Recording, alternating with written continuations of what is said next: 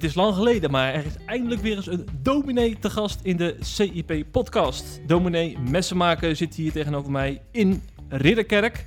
Daar woont hij uh, sinds een jaartje, denk ik nu ongeveer, hè, dominee? Ja, sinds afgelopen zomer. Ja, ja. Nou, dat is mooi, uh, mooi dat we hier mogen zijn. Uh, u bent natuurlijk naast dominee ook docent Zeker. op het Wartburg College. Uh, misschien komt dat nog wel eens zijdelings te sprake in deze podcast. In ieder geval gaan wij wat christelijke mediaberichten doornemen.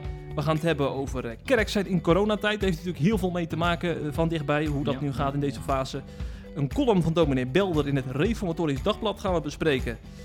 Is er nog genade in onze samenleving? En we beginnen na de rubriek uh, met nieuws over abortus. Dat was uh, behoorlijk uh, in het nieuws na van een debat over de bedenktermijn van abortus die afgeschaft zou moeten worden volgens veel partijen.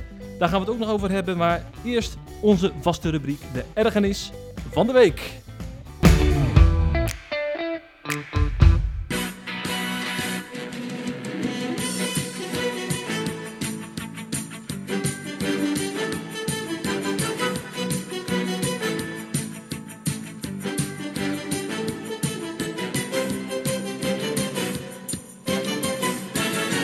En dan mag u helemaal losgaan, uh, dominee. Dit is uw moment.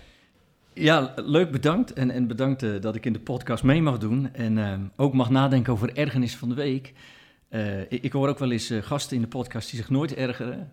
Die zijn er ook nog, ja. Ja, die zijn er ook, hè. Ik erg me best vaak. Dat is misschien ook karakterologisch, dus ik moest wel even zoeken. Maar iets wat me afgelopen week echt geërgerd heeft, dat is wat ik hoorde in een debat. Ik, uh, ik vind het heel leuk om debat in de Tweede Kamer te volgen. Zeker als het uh, nou ja, gaat over uh, actuele onderwerpen, zoals hoe gaan we verder met de coronapas... of hè, waar we het straks over hebben in het abortusdebat. Hoe staan de partijen erin, et cetera. Maar in dat debat vorige week over corona en de coronapas en de cijfers... herinner je je nog wel dat ehm, minister Kuipers iets met die cijfers deed... die van de, wat was het, Technische Universiteit van Delft had... En ehm, nou ja, daar was discussie over of hij die cijfers wel uh, eerlijk genoeg gebruikte. Nou, prima. Ik, vond het op zich wel mooi dat daar vragen over werden gesteld. Ik had ze misschien ook wel een beetje van, ligt het echt zo, ligt het echt zo scherp? Dat is prima. Die kritiek vond ik prima. Maar de bijdrage van sommige Kamerleden vind ik niet prima. Daar erger ik mij aan. En één bijdrage, en dat was van SP-Kamerlid uh, Maarten Heijink. Ja, die ging daar dan ook op in. En die zei op een gegeven moment dat de Kuipers de kluit belazert. Okay. Dan haak ik gewoon af. Hm. Dan ben ik zo geërgerd over het taalgebruik en over het niet respectvol benaderen van een uh, minister. Ja, dan wint de ergernis het bij mij uh, van de inhoud. Ja, ja. Terwijl, terwijl die minister een, een, foutje maakt. Dus we krijgen toch de sympathie van, uh, van, van Messenmaker dan op zo'n moment, die man. Nou ja, in die zin de sympathie. Ik, ik hou wel van open debatten. En ook als een minister ja. zijn eigen uitleg heeft gegeven, of in ieder geval zijn eigen interpretatie van cijfers.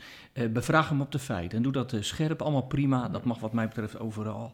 Maar op het moment dat een uh, Kamerlid zegt, je belazert de kluit, dan is je manier van spraakgebruik zo dat je eigenlijk je gesprekspartner niet meer serieus neemt. Hm.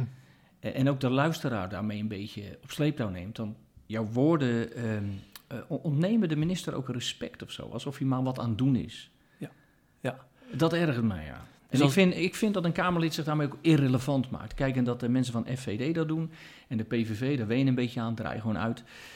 Maar uh, dit soort partijen heb ik toch wat anders, uh, wat hoger staan. Dus als dit Kamerlid bij Messenmaker in de klas zou zitten, dan uh, zou u nog even na moeten blijven dan? Absoluut. Ja? ja? Ja, dan gingen we het even hebben over uh, hoe gaan we met taal om. Weet je wat ik heel mooi vond, vind? Uh, vroeger was het zo dat als uh, de handelingen waren gemaakt, hè, dus alles wat gezegd was in de Tweede Kamer, en er zaten onoorbare dingen in, dan kon dat geschrapt worden. Hè. Volgens mij tot 2001 of zo. Dat is niet eens zo heel lang geleden dat dat nog kon. Daar ben ik wel voor. Dat zou voor mij echt mogen. Haal die rotzooi er maar uit. Hm.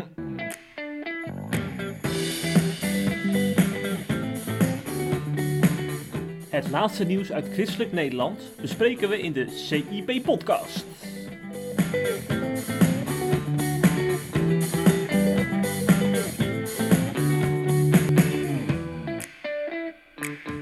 Het is tijd voor uh, ons hoofditem. En uh, dat gaat over uh, abortus. Een hele persoonlijke kwestie, maar ook een politieke kwestie. er geldt een verplichting van vijf dagen bedenktijd. Hè? daar ging het in, tijdens het Kamerdebat over. En dat is natuurlijk ook voor christelijke partijen een heel belangrijk issue. Want het ja. zit heel erg dicht bij, bij onze principes. Hoe kijken we naar het leven? Eh, en dus hebben we dat op de voet natuurlijk gevolgd. Er lijkt toch echt wel een afschaffing te gaan komen, want de meeste partijen staan daar nou eenmaal zo tegenover. Daar moeten we wel aan toevoegen natuurlijk dat er wel een flexibele bedenktermijn gaat komen. Ja. dus het is niet zo dat die helemaal van tafel gaat, maar die, dat wordt waarschijnlijk wat meer maatwerk in die zin. De SGP noemde het een, een zwarte dag. Hè, voor hen is het natuurlijk een heel belangrijk item, die vijf dagen bedenktijd. D66 een bijzondere dag. Die gingen eigenlijk zo'n beetje de vlag uit, zou je toch kunnen zeggen. Er was wel een juichstemming uh, bij D66. En zo zie je dat er toch wel uh, dat er de scherpe randjes van, uh, van dit onderwerp best wel werden benadrukt. dit roept natuurlijk ook bij ons heel veel vragen op. Hoe gaan we hiermee om? ik, vind, ik vind, want dominee, u bent, u, u, bent natuurlijk ook pastoraal ingesteld als predikant. Het is ja. moeilijk om zo'n onderwerp scherp te benaderen. Hè? Want het raakt heel erg mensenlevens van mensen die hele heftige dingen hebben meegemaakt.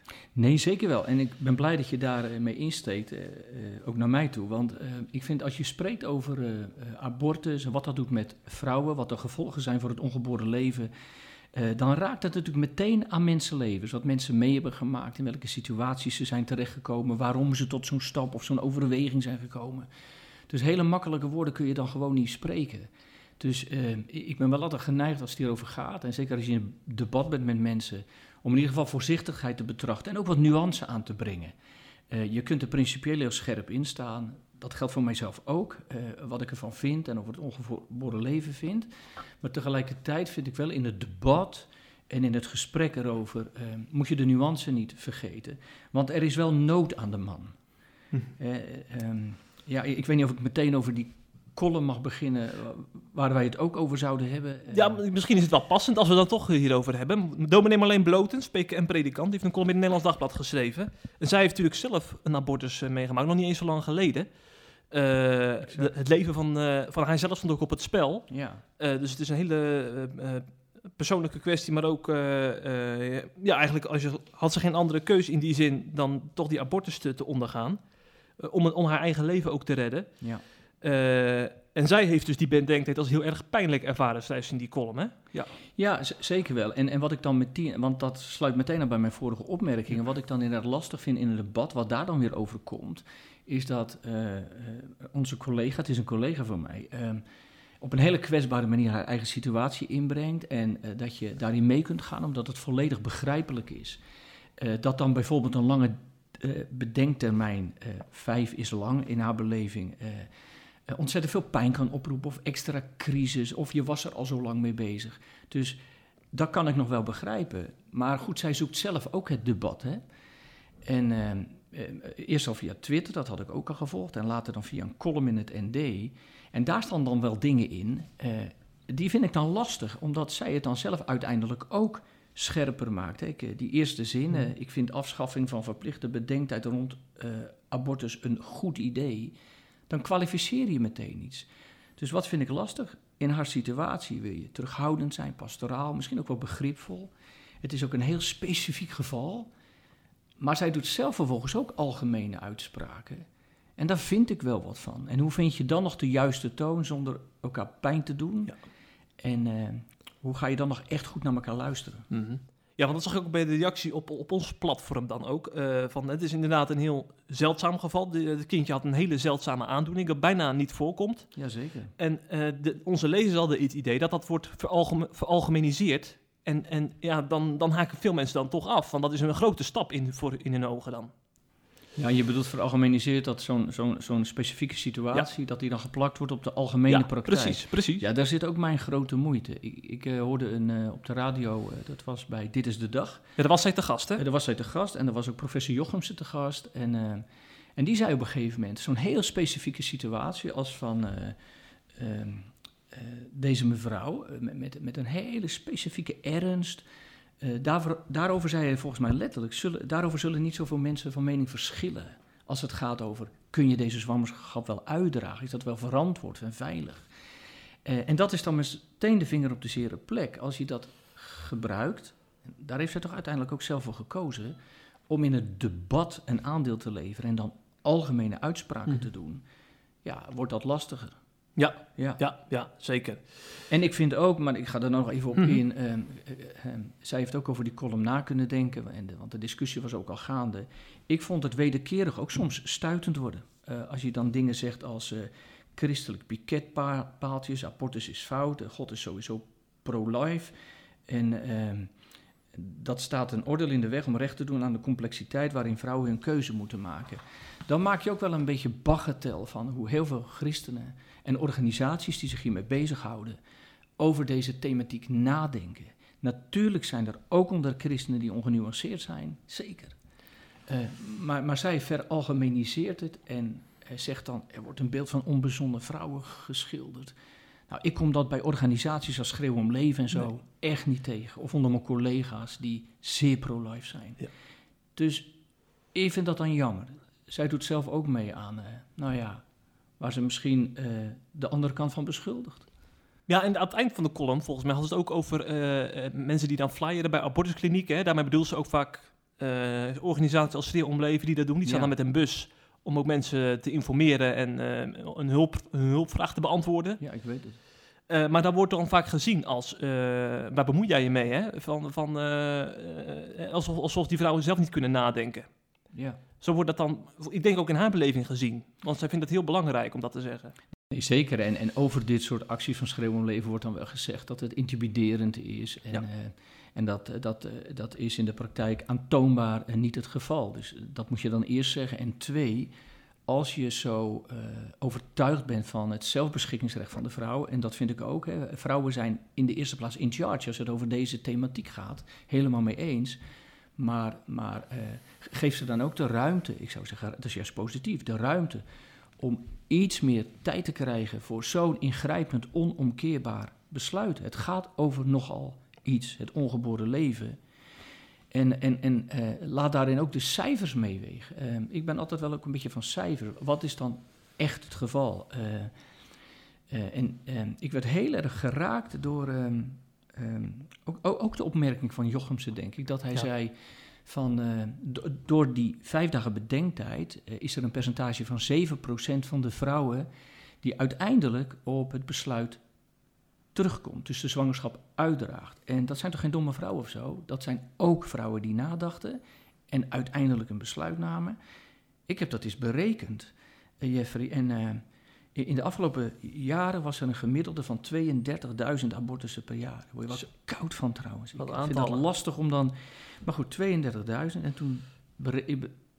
ik berekende dat wat. Ik dacht 7%. Dat betekent dat 2400 kinderen ongeveer per jaar wel geboren werden... omdat vrouwen andere besluiten namen. Dat is 50 per week. 50 per week kinderen die geboren worden... omdat vrouwen toch in die vijf dagen besloten... ik neem de gaan bij volle verstand... om de zwangerschap uit te dragen. Dat is toch niet niks? Nee, nee. De moeite waard zou je dan bijna zeggen, die vijf dagen bedenktijd. Voor, Zeker, voor deze kinderen. zeker. Eh, wat me ook opviel in haar eh, column, ehm, dat ze dan schrijft: Ik vreesde een oordeel hè, toen ze dat besluit eh, nam, maar vond een binnende kring van collega's en gemeenteleden om ons heen. Barmhartig was dat, barmhartig was dat tijdens een genadeloos verlies. En dan proef je ook in haar woorden hè, dat ze. eh, eh, dat, dat er toch een soort van mist in christelijk Nederland. Want blijkbaar had ze dan toch wel het gevoel dat, eh, dat er oordeel zou, zou komen. Is, moeten we dat onszelf dan aanrekenen, vraag ik me af dan, als, als iemand dat zo, zo zegt, dat ze oordeel vreesden? Nou, ik, ik denk wel dat we in de spiegel moeten kijken. Als dat door mensen zo ervaren wordt, dan moeten we wel in de spiegel kijken en zeggen: is dat dan zo dat de onbarmhartigheid meteen ehm, eh, aan, aan de drempel ligt? En, en zijn we te hard in meteen het veroordelen als de stap al genomen is? Eh, kijk, wa- wat ik bijvoorbeeld eh, bij Schreeuw om Leven steeds hoor en zie, is dat er voor beide partijen, en ook bij Syrië trouwens, voor, voor beide partijen, voor beide kanten, zowel voor degene die een zwangerschap doordragen als die een abortus hebben ondergaan, ontzaglijk veel pastorale en liefdevolle zorg is. Sowieso. Eh, en als we dat binnen christelijk Nederland niet genoeg doen, dan moeten we ons. eh, eh, dan moeten we nog eens eerlijk in de spiegel kijken. En misschien eens kijken hoe deze organisaties dat wel willen doen. En misschien eens uitvragen hoe het komt dat mensen dat zo ervaren. Want ik ben wel eens dat dat niet past. Hm. Als iemand deze keus maakt, Maar dat geldt toch voor meer keuzes, Jeffrey, die gemaakt worden, waarvan je vanuit je eigen overtuiging kunt zeggen dat dat had zo niet gemoeten, of ik denk dat het zo niet had gemoeten. Ja, ook als het over gender dingen gaat. Nee, we kunnen een heel rijtje maken. Gaan we toch niet als mensen met die kwetsbaarheid bij jou komen, oordelen? Alsjeblieft. Dat is niet wat Christus ons voordoet. Nee, nee. Maar hij leert ons ontferming.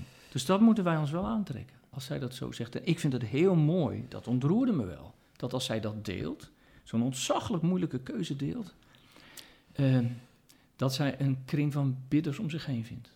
Ja, Dat is de kerk op zijn best. zeker. Ja, ja, ja. Daar zitten we allemaal op te wachten als, als we in zo'n situatie zouden Toch? zitten, toch? Zou je, zou je zeggen. En niet Ja. op het oordeel. Nee.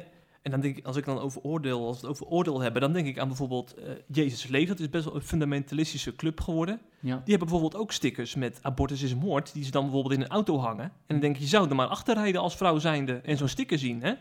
Dat, daar doel ze misschien ook wel op, op dat soort... Ja, misschien wel, dat, zouden we, dat Ja. weten we natuurlijk niet. Nee. Maar, maar zo- zo- zo'n voorbeeld is wel een voorbeeld waarvan je je af kunt vragen of dat iemand die in zo'n situatie is gekomen eh, dat echt helpt of overtuigt. Ik denk het niet. Je mag natuurlijk wel vinden, maar om dat nou op je auto te hangen, dat gaat natuurlijk ook wel weer ver, denk ik persoonlijk. Dat denk ik ook. En daarom ben ik er wel blij mee dat de pro-life beweging eh, de laatste jaren heel erg op de poot heeft gezeten voor het leven. Hè? De Mars Ja. voor het Leven, waar ik, als ik, eh, waar ik enkele keer aan mee heb gedaan.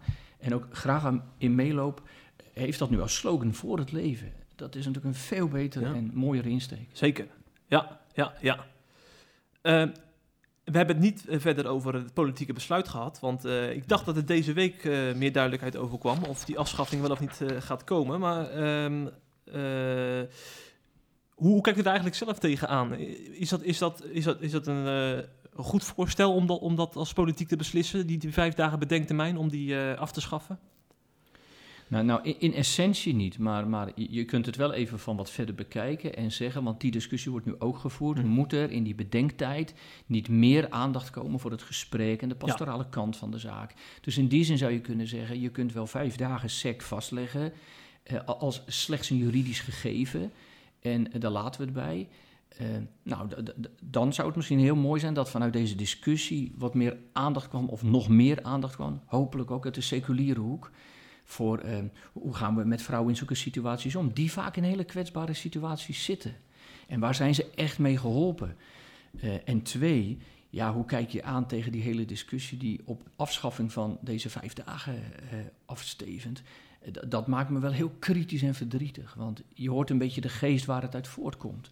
En ik denk bij mezelf, zowel voor de moeder in een zeer emotionele situatie, hè, als voor het ongeboren leven, is het toch niet te veel gevraagd om een bedenktermijn eh, in te lassen. Het gaat om nogal iets. Ik zou het juist van heel veel respect voor vrouwen, van heel veel respect voor vrouwen getuigen, als we ze helpen in zo'n onoverzichtelijke situatie, want dat is het toch, het is nogal een ingrijpend besluit, juist de bescherming en de ruimte van die vijf dagen te gunnen, eh, dan wel met alle hulp die er eh, dan hopelijk ook is. En ehm, ja, daar zouden we misschien ook als christenen eh, juist de streep onder moeten zetten. Het heeft Ja. meer met barmhartigheid te maken met dan eh, met Hm. onbarmhartigheid. Ik, ik vond het wel mooi dat de stoffer in zijn eh, Van de SGP? Ja, van de SGP in zijn bijdrage zei, en dat raakte me wel. Hij zei, voor een kleine cosmetische ingreep, en hij heb je eh, op zijn minst een dag bedenktijd, dus ook nog bedenktijd. Als het een wat zwaarder ingreep is, volgens mij ook vijf dagen of zelfs een week of langer. Ik weet niet meer precies, maar het was vijf dagen of langer. En dan voel je wel, val je wel even van je stoel. Dan denk je, hè? En voor een abortus? Zou dat dan niet meer moeten of afgeschaft moeten worden? Ja, ja. Op Twitter zei de SGP, eh, verwees de SGP ook nog naar drie dagen bedenktijd voor eh, aankoop van een huis. Ja, kun je Dus- nagaan. Ja, ja, dus het is helemaal niet zo gek om een bedenktijd eh, in te voeren. In die zin, dat is dan een argument, zeg maar. Nee. Dat doen we op meerdere terreinen. Ja, Ja, en dat Ja. lijkt me heel goed, zeker eh, op dit vlak. ja, ja. Dat is trouwens ook wel gek om eh, te zien dat de ChristenUnie, eh, toch op veel, plek, veel vlakken toch van een linkse partij, dat die in hetzelfde schuitje zit als Forum voor Democratie. Hè? Ja. Want die waren ook heel erg tegen die afschaffing. Ja, ja, ja. Ja, dat was wel Verrassende wending heeft Ja, dan. hoewel het wel een beetje van ze bekend was ook. Maar, jawel, eh, jawel. Ja, nou ja, Maar zo uitgesproken had ik dan eh, niet zien aankomen. soms Hè? krijg je wat wonderlijke coalities. ja, kan zomaar gebeuren. Ja. Zeg, we gaan naar de column van dominee eh, Belder in het eh, RD. eh, niet alleen, tegenwoordig niet meer alleen columnist van het RD, maar ook van CIP, eh, mogen we zeggen. Die is bij ons ook regelmatig te lezen. Maar hij is natuurlijk vooral bekend van zijn columns in het uh, Reformatorisch Dagblad. Want dat doet hij al jaren, hè? Ja. Hij wordt ook uh, daarom uh, flink geprezen. Dat heeft alles te maken met die mevrouw die onder druk, ligt, onder druk lag als adviseur bij de VVD, die inmiddels is opgestapt. Die mevrouw die ook een terroristisch verleden heeft, daarvoor veroordeeld is, ook in het verleden. ik ben heel even haar naam kwijt. Mevrouw Soumaya Salah. Juist, Soumaya Salah. Uh, daar hebben we het over. En uh, ja, dat debat polariseerde natuurlijk ook behoorlijk de afgelopen weken. Uh, je had ook weer twee kampen. Hè? Mensen die met Wilders meegingen en zeiden van... Hè, hoe kan zo'n vrouw nou een, een, democratische partij adviseren? En een groep ja. die dan zegt... we mogen toch ook wel een beetje genade hebben in deze tijd... en iemand een tweede kans gunnen, want ze is veroordeeld. En waarom dan haar zo flink aanpakken? En dan heeft dominee Belder dus in zijn column... verwijst hij naar de apostel Paulus. Ja. Wat vond u van die, van die verwijzing, uh, dominee? Ja, um, nou ja, in die zin wel mooi. Eh, omdat hij even de vinger op de zere plek legt en zegt ja. uh, in, in, welke maatschappij zijn wij nu beland. Hè? Dat mensen die inderdaad, nou ja, in dit geval deradicaliseren of zich bekeren van hun oude leven en daar afscheid van nemen, zich zeg maar dienstbaar maken aan de maatschappij en ook in dit thema zich dienstbaar maken. Uh, in die zin vond ik het mooi. En, en dan zijn lijntje naar uh, Paulus, waarvan hij zegt, ja, ook uh, de gemeente vervolgde. Nou, die heeft ook nogal wat op zijn kerfstok, nou. maar uiteindelijk was het nieuwe begin wel mogelijk. En, dus, dus de boodschap is dan eigenlijk, je kunt iemand niet eindeloos achterna zitten om de dingen die hij in het verleden verkeerd deed. En we moeten oppassen met een eindeloze afrekencultuur, waarin iemand nooit van zijn fouten kan uh, terugkeren, als het ware. En als het ware dan ook geen barmhartigheid uh, meer krijgt of ontvangt. En tegelijk denk ik wel, uh, Jeffrey, dingen liggen soms ook wel, wel genuanceerder of zo. Je, ja. Kijk, in, in de positie van Wilders, die al zo lang beveiligd moet worden, kan ik me wel groot ongemak voorstellen. Ik kan ook niet kijken wat er bij hem van binnen is en leeft, maar ik kan me wel dat enorme ongemak voorstellen. En dat dat dan ergens benoemd gaat worden, kan ik me ook nog voorstellen. Maar dat je zo ontzettend massief inzet op uh, van, uh, wat zei hij op een gegeven moment, hè, van als je eenmaal die fout gedaan hebt, of eenmaal radicaal of eenmaal nou ja, in dat vaarwater en dat je er dan nooit meer uit kunt komen. Eens fout, altijd fout. Dat vind ik ook wel zeg maar eng. Mm -hmm. Ja. Dan kom ik wel in een enge wereld terecht. Als je zo de wereld moet gaan zien. En bij hem kun je dat nog een beetje voorstellen. Hè? Als je in een bunker leeft en je, je kunt Ja. niet naar de winkel. Maar uh, als er dan ook hè, veel mensen daarin meegaan die, die, uh, die wat die minder geradicaliseerd zijn, laat ik het zo maar zeggen, Ja. dan, dan wordt het natuurlijk wel een genadeloze samenleving. Ja, en dat kan ook wel gevaarlijk worden van uh, waar gaan we elkaar dan allemaal nog op afrekenen? Uh, wie mogen dan niet meer terugkeren Ja. op bepaalde plekken? Um, en, en in zo'n wereld zijn we soms wel een beetje terechtgekomen. Hè? Ook, dat zie je in heel veel debatten ook, dat, dat dit soort issues voor het voetlicht worden gehaald. Oude fouten of oude leugens uit het verleden uh, worden steeds maar herhaald en opnieuw gezegd. Dat zie je natuurlijk uh, in de politiek volop gebeuren nu. Onze minister-president die echt wel uh, flink de fout in is gegaan met zijn selectieve geheugen. Dat, dat is eindeloos herhaald en zo. En, nou, daar is een debat over geweest, is door het stof gegaan. Volgens mij is dat ook helemaal uitgedebatteerd. Hm. En het blijft maar terugkomen, alsof je dan voor eens en voor altijd een onbetrouwbaar iemand bent en blijft. Ja, wie kan dan nog functioneren, vraag ik mij af. Mm -hmm. Ja. Ja. De slotzin van uh, dominee Belder, uh, daarin zegt hij dus uh, dat hij hoopt dat die Soumaya, het, dat hij hoopt dat hij het ongelijk bewijs van Wilders, hè, en dat Wilders dus te veel leeuwen, beren en wolven in schaapskleren ziet. ja, die hoop kunnen we allemaal uitspreken, hè? Ja. Dat, want uiteindelijk moet, moet die vrouw natuurlijk zich haarzelf moet ze natuurlijk bewijzen of ze wel of niet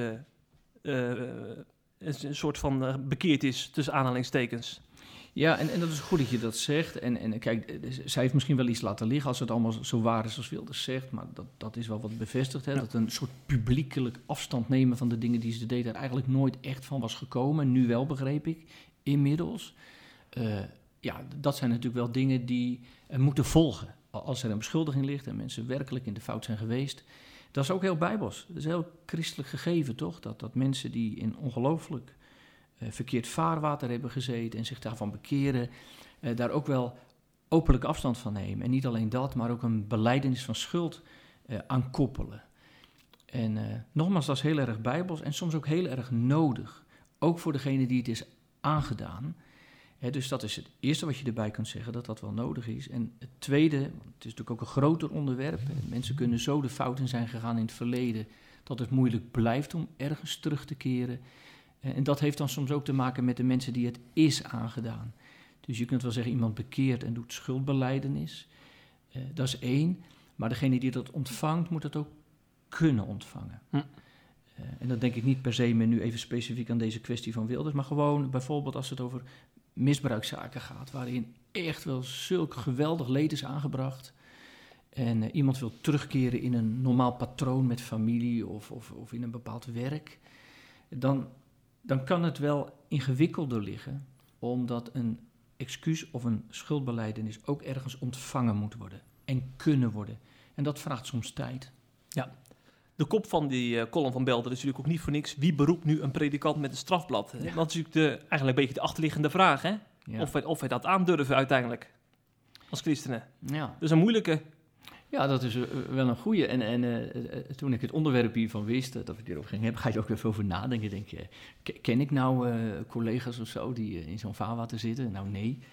maar zouden we het wel doen? Ja, dat weet ik niet. Hm. Aan de andere kant zie je ook wel, zit ik ineens te denken, dat als in de kerk dingen fout zijn gegaan en de kerk heeft een uitspraak gedaan en er is een straf geweest, dat je wel ziet dat dominees en ambtsdragers soms daarna uh, weer kunnen functioneren. Uh, dus dat moet ook wel weer kunnen. En misschien gebeurt dat ook wel. Dus kan hm. dat strafblad? Uh, wie kan zo'n dominee beroepen? Ik denk dat het soms wel gebeurt. Ja, ja, ja, ja. En als het niet gebeurde, kunnen we altijd nog denken aan Paulus, hè? Ja. Dat is natuurlijk het voorbeeld. Ja, zeker. Ja, ik heb een paar jaar geleden zo'n Netflix-serie gezien uh, over zijn leven. Ja.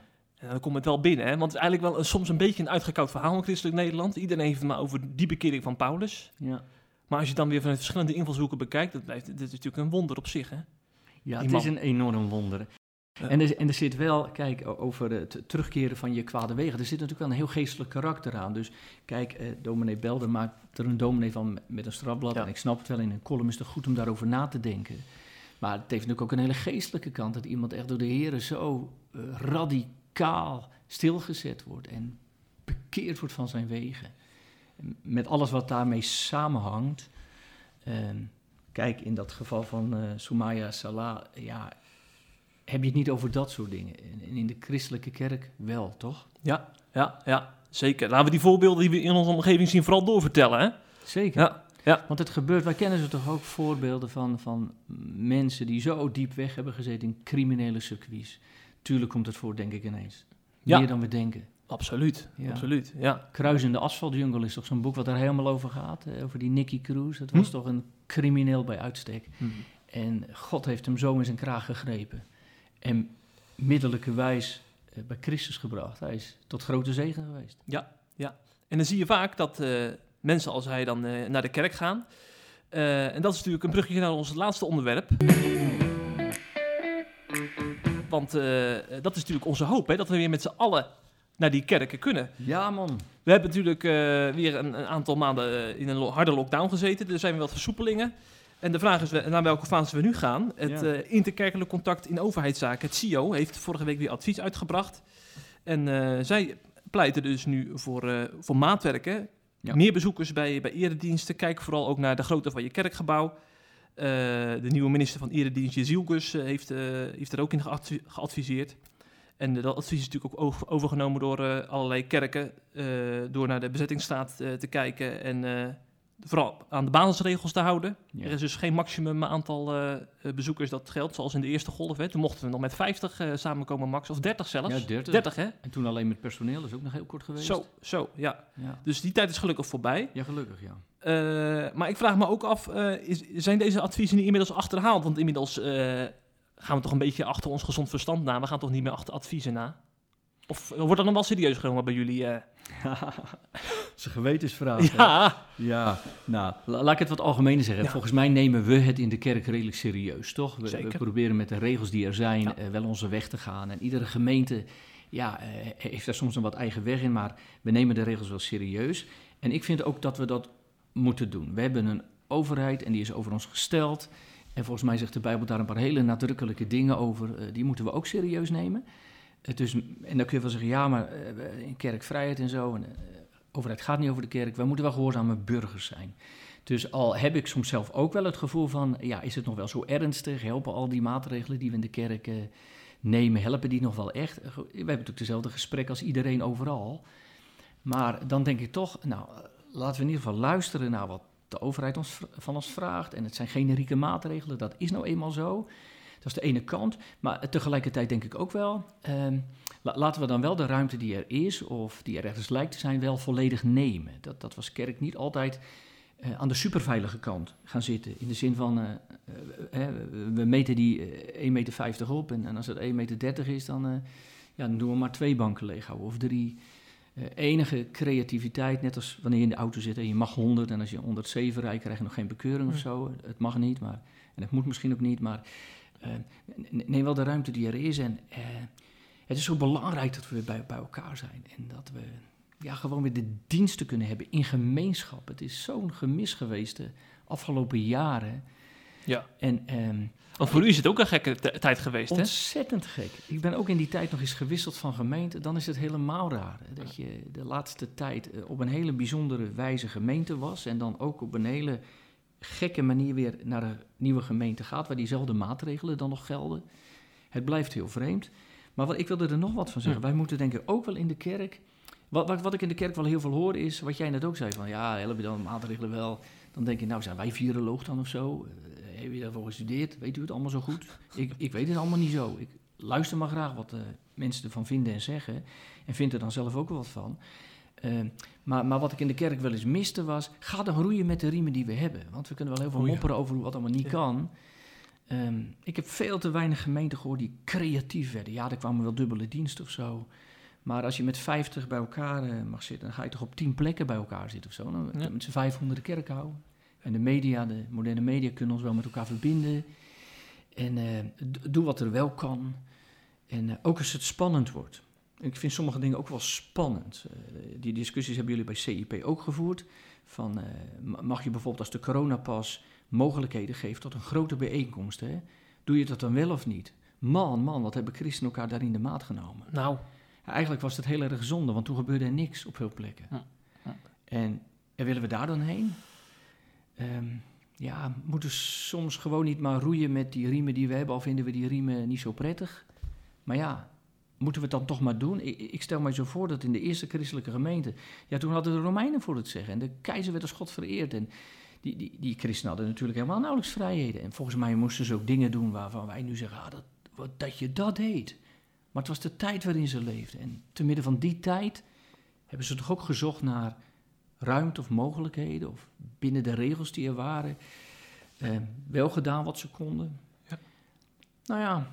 En ze gingen niet op Facebook klagen over die, over die keizer, die Romeinse keizer. Eh, van, uh, nee, had ook geen nut. Nee, nee, nee. nee. nee. dus uh, dat kunnen we dus van ze leren. Ga in ieder geval wel, ga in ieder geval wel roeien. En niet alleen maar stilzitten en klagen. Nee, daar ben ik wel een beetje erg voor, ja. ja. ja. Want ik zie ook... En een beetje meer bidden voor de overheid. In oh, plaats van altijd maar klagen over de overheid. Ik heb in de christelijke kerk ook wel, ook wel wat omheen geluisterd. Veel gebed gemist. Waar wordt er oh, nog voor Rutte gebeden? En, oh. En voor uh, Kuipers nu. En uh, in het verleden voor de jong. Uh, voor de jongen. Ehm. ja, ik bedoel dan niet alleen de voorbeden, maar ook gewoon in je binnenkamer thuis. Ja, en, en. Ja. Maar ik las op on onze Facebook-pagina's meer kritiek en hoe het allemaal verkeerd ging. En dat men de antichrist zag in de overheid. Ik, oh, dacht, ja, gaat, ik dacht vaak, waar gaat dit heen, joh? Mm, mm, mm, ja, het, het, is wel een moeilijke, hè? Want het is moeilijk. Je, je, bent het dus niet eens met die overheid, maar het voelt dan tegen natuurlijk voor die mensen om ervoor te gaan bidden. Te, ja. er wordt wel van je gevraagd, zegt En toch is het, ja, het is buitengewoon bijbels. Ja. Vreest God eer de koning, hè? Dat lezen we in de Petersbrief, dacht ik. En die, die koning, dat is echt niet voor tweeërlei uitleg vatbaar. Dat was gewoon, eh, dat was de, de, de, de stadhouder, dat was de koning van dichtbij, dat was de keizer, de koning van ver weg. En, uh, en, en, de, en de Romeinenbrief zegt dat de overheid uh, Gods dienaar is, is ten goede. En dan is het ook Romeinse tijd. Hè? Dan, dan hebben we het wel over een overheid die bepaald niet lijkt op onze overheid. Um, dat heb ik wel eens gemist, die, die, die gelovige loyaliteit, dat bidden voor de overheid. wist je dat christenen in de uh, die in de vervolging leven, veel meer bidden voor hun overheden dan wij doen. Oh ja, ja. Terwijl wij vaak. met een crisis te maken hebben die weliswaar ernstig is, maar waarin we alle vrijheid van de wereld hebben. Ja, wat dat betreft zou eigenlijk iedereen die in die coronatijd geklaagd heeft, zou naar, eh, verplicht naar de open doorsdag moeten gaan. Hè? Want dan hoor je die verhalen van dichtbij. Jazeker. En, en, en nou, dan durf je de eerste komende half jaar niet meer te klagen hoor, over, over onze situatie, als je die verhalen hoort. Dat denk ik ook. Ik heb eh, een brief gekregen van iemand die in, in een land zit waar het heel erg lastig is. En die zei, eh, wij kunnen niet eens streamen. Hè? Dus, dus jullie klagen over dat je al niet naar het gebouw kunt. Wij kunnen niet eens streamen, dat is een zegen. Dat je kunt preken voor de camera, dat je je gemeente toe kunt spreken. Hè? Wij moeten alles in het geheim doen. Alles wordt gecontroleerd. Ook wat over eh, eh, de digitale snelweg gaat. Mhm. Ja, maar ik denk dat toch even met oog op de toekomst, hè? want we hebben nu de Omicron variant. Ja. We zitten nu al, eh, we gaan nu dadelijk gaan we naar jaar drie van de coronatijd. Dan denk ik van, er moet eigenlijk toch ook een moment komen dat we er echt mee leren leven en dat we dan eh, niet meer moeten afschalen als, ik bedoel, eh, moeten we die fase ook niet een keer op da- dadelijk? Dit is toch niet houdbaar op de lange termijn? Elke keer Nee. versoepelingen, af- afschalen, het heen en weer gedoe. Nee, dat zal iedereen vinden, eh, Jeffrey. Dus dat vind ik ook. Eh, maar, maar we zullen zien hoe dat gaat. Maar, Ja, ja. maar ik, ik hoop wel dat er een... We, we gaan er een keer mee leren leven, toch? S- soms denk ik wel nu van... eh, de, de ernst neemt echt af. Daar is denk ik iedereen het wel mee eens. En, en moeten we ook niet komen tot een moment waarin we inderdaad... moeten leren leven met een virus dat er is. Moeten leren leven met de gebrokenheid van het bestaan. En ook weer een beetje terug naar normaal moeten. En ook moeten leren dat niet alle risico's in te dekken zijn. Ehm, want dat is natuurlijk wel de tijd waarin we willen alles maakbaar. eh, alles moet maakbaar zijn. En we- weet juist een christen dat dat niet zo is. Niet alles is maakbaar. En het beste moet nog komen. Dus we moeten er ook mee leren leven, ja. En eh, misschien moeten we ook, dat is een heel ander punt denk ik, ook wel als kerk soms wel wat meer lobbyen of zo. Daar zou ik wel voor zijn. Dat we ons soms iets meer laten horen. Onze kerk had van mij part iets meer ehm, op de trom mogen roffelen hier en daar. Ik, de laatste dagen, weken gaat het allemaal over dat carnaval en feesten. Oh ja. moet dan in zuiden gevierd worden. En dan denk ik, jongen, eh, nou wordt wel gelobbyd op het leven. eh, om, om een of ander feest. En dan denk ik, moeten we ook niet meer lobbyen? We hebben elke week feest. Ja. En we zitten maar op die anderhalve meter. En eh, ja, Want het voordeel van zo'n lobby ook is, is dat je dan een beetje beeld krijgt van wat de kerk... Ik heb het idee dat heel veel Nederlanders, die hebben het idee van de kerk gaat om die anderhalf uur op zondag, dat je in die kerkbank zit. Maar de kerk gaat ook over eh, door de weeks eh, activiteiten organiseren, zeg maar de buurtfunctie van een kerk. Hè? Dat, je, dat je open bent, voor, ook voor mensen die hulp nodig hebben. Dat, dat zien heel veel mensen over het hoofd. Het is niet alleen maar in die kerk zitten en consumeren, hè? nee, zeker waar wij niet. voor zijn. Dus zeker niet. Dan kun je tijdens zo'n lobby kun je dat dan duidelijk maken. Ja. De meerwaarde van kerk zijn. Ja, en, en, en, en eh, dat- kan best een tandje meer. En misschien moeten we ook eens evalueren als kerk. Van hoe zijn we daarmee omgegaan en hoe gaan we daar verder mee om? En, en hoe, gaan, hoe gaan we met de regels om en hoe, hoe eh, v- voeren we ze uit? Ik vind bijvoorbeeld zelf, eh, hè, van eh een derde van de kerk mag gevuld worden, weet je wel. Eh, Dat is dan een beetje wat gezegd wordt. Dus 30% van de kerkgangers mag komen. En dan denk ik, nee joh, bij ons gaan er toch gezinnen naar de kerk. Dus die zitten in ieder geval op een kluitje. En alle jongelui onder de 18 laten we ook op een kluitje zitten. En dus we gaan met z'n 50% toch in de kerk zitten, of 60. Dus ietsje meer lobbyen, iets meer ruimte nemen soms. Ja. Of opeisen, beter Ja. gezegd. Ja, ja. ja, want dat is natuurlijk een goeie. Dat, dat, eh, dat bij het advies hoort eh, eh, 30% van de normale capaciteit bezetting. Dus Ja. er is nog wel, eigenlijk is nog wel een soort regel dan. Dus- ja, blijkbaar. Oké, ja. ja. Dat is, je- want ik weet niet hoe groot ju- ju- jullie kerkgebouw in eh Sillarshoek is. Ja, Sillershoek is een heel klein kerkje. Ik denk als het helemaal vol zou zitten, zitten er 120, 130 mensen. Die zouden er dan in kunnen. Eh, Zo groot is onze gemeente niet. Op zondag gaan kerkgangers. Ehm, ik denk 70, 80 als ze allemaal zouden komen die normaal naar de kerk gaan. Maar goed, als je dan alle gezinnen bij elkaar zit, zijn veel jonge gezinnen, dan eh, kunnen we er misschien allemaal wel in. Hm, hm, hm. En dan zitten we nog wat uit elkaar. En dat Ja. soort dingen. Ja. Maar laten we daar ook een beetje voor lobbyen. En, en, en wat meer aan de bel trekken. Misschien net zo hard als nu gebeurt in die eh, carnavallobby. Ja, ja, maar dat is nu volop gaande, die lobby inderdaad. Ja. Ja, Ja, ja. En we hebben natuurlijk een paar weken geleden al eh, eh, de winkel, winkeliers gehad. Hè? Die, die gingen toeteren in Barneveld op de straten van we willen weer open. Ja, zeker. Dus eh, er zijn meer sectoren die dat eh, luid en duidelijk kunnen. Ja, dus, dus iets, iets meer toeteren misschien. En dan, dan Ja. in den brede, ik zou er wel voor zijn. En, dus twee dingen. En, en gewoon een beetje ruimte en een beetje creatief zijn. weet ik het, ga met z'n allen een keer testen. Voor mijn part persoonlijk testen. En dan met meer bij elkaar zitten of zo. Dat je het wel veilig doet en de regels in acht neemt. Ja, ik ben ook een beetje voor out of the box denken. Hm. Ik kan een beetje ruimte geven, een beetje ruimte laten. Ja, ja. Maar we moeten echt met deze nieuwe situatie leren dealen. ja. En, eh, Ook met het oog op, eh, op die gemeenteleden, hè? zeker. Want ik vraag me af hoe lang ze dat, dat, dat livestreamen gaan. Ik hoor om me heen alleen maar mensen klagen van, hè, zeker met jonge kinderen, je kunt niet concentreren thuis.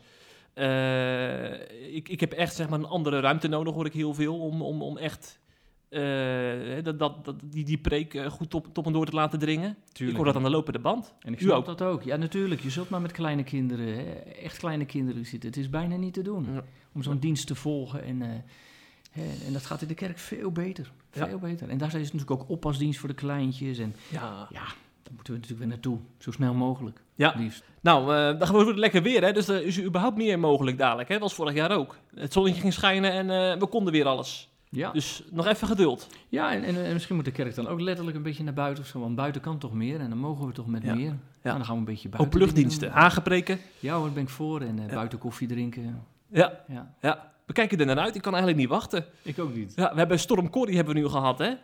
En toen dacht ik echt van, eh, nou ben ik er klaar mee met dat winterweer.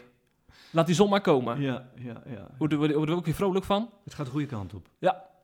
Dominee, ik wil u bedanken voor de, voor de tijd. Graag gedaan. Mooi dat we hier in Ridderkerk eh, mochten zijn. Maar voor de duidelijkheid, aan de grens van Rotterdam. Hè? Het is niet eh Nee, Hartje we Ridderkerk waar we hier zitten. nee, nee, nee, we zitten hier echt in Bolnes, zo- Ja. zo'n 200, 300 meter van Rotterdam. Dus het is eigenlijk meer Rotterdam dan Ridderkerk bijna. Maar het is gemeente Ridderkerk, daar wonen we. Ja, Aan ja. het water, hè, dat zie je wel aan de ja, het is schitterend. prachtige Nieuwe Maas. Ja, ja. Zeg het niet te hard, want dadelijk eh, gaat iedereen hier naartoe.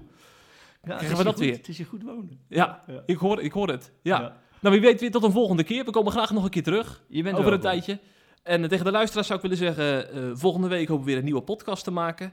En eh, hou onze website in de gaten voor de laatste columns, het laatste nieuws. En tot de volgende keer.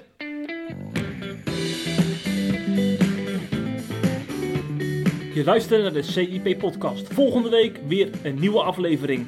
Wil je onze artikelen lezen? Ga naar cip.nl en word CIP Plus lid.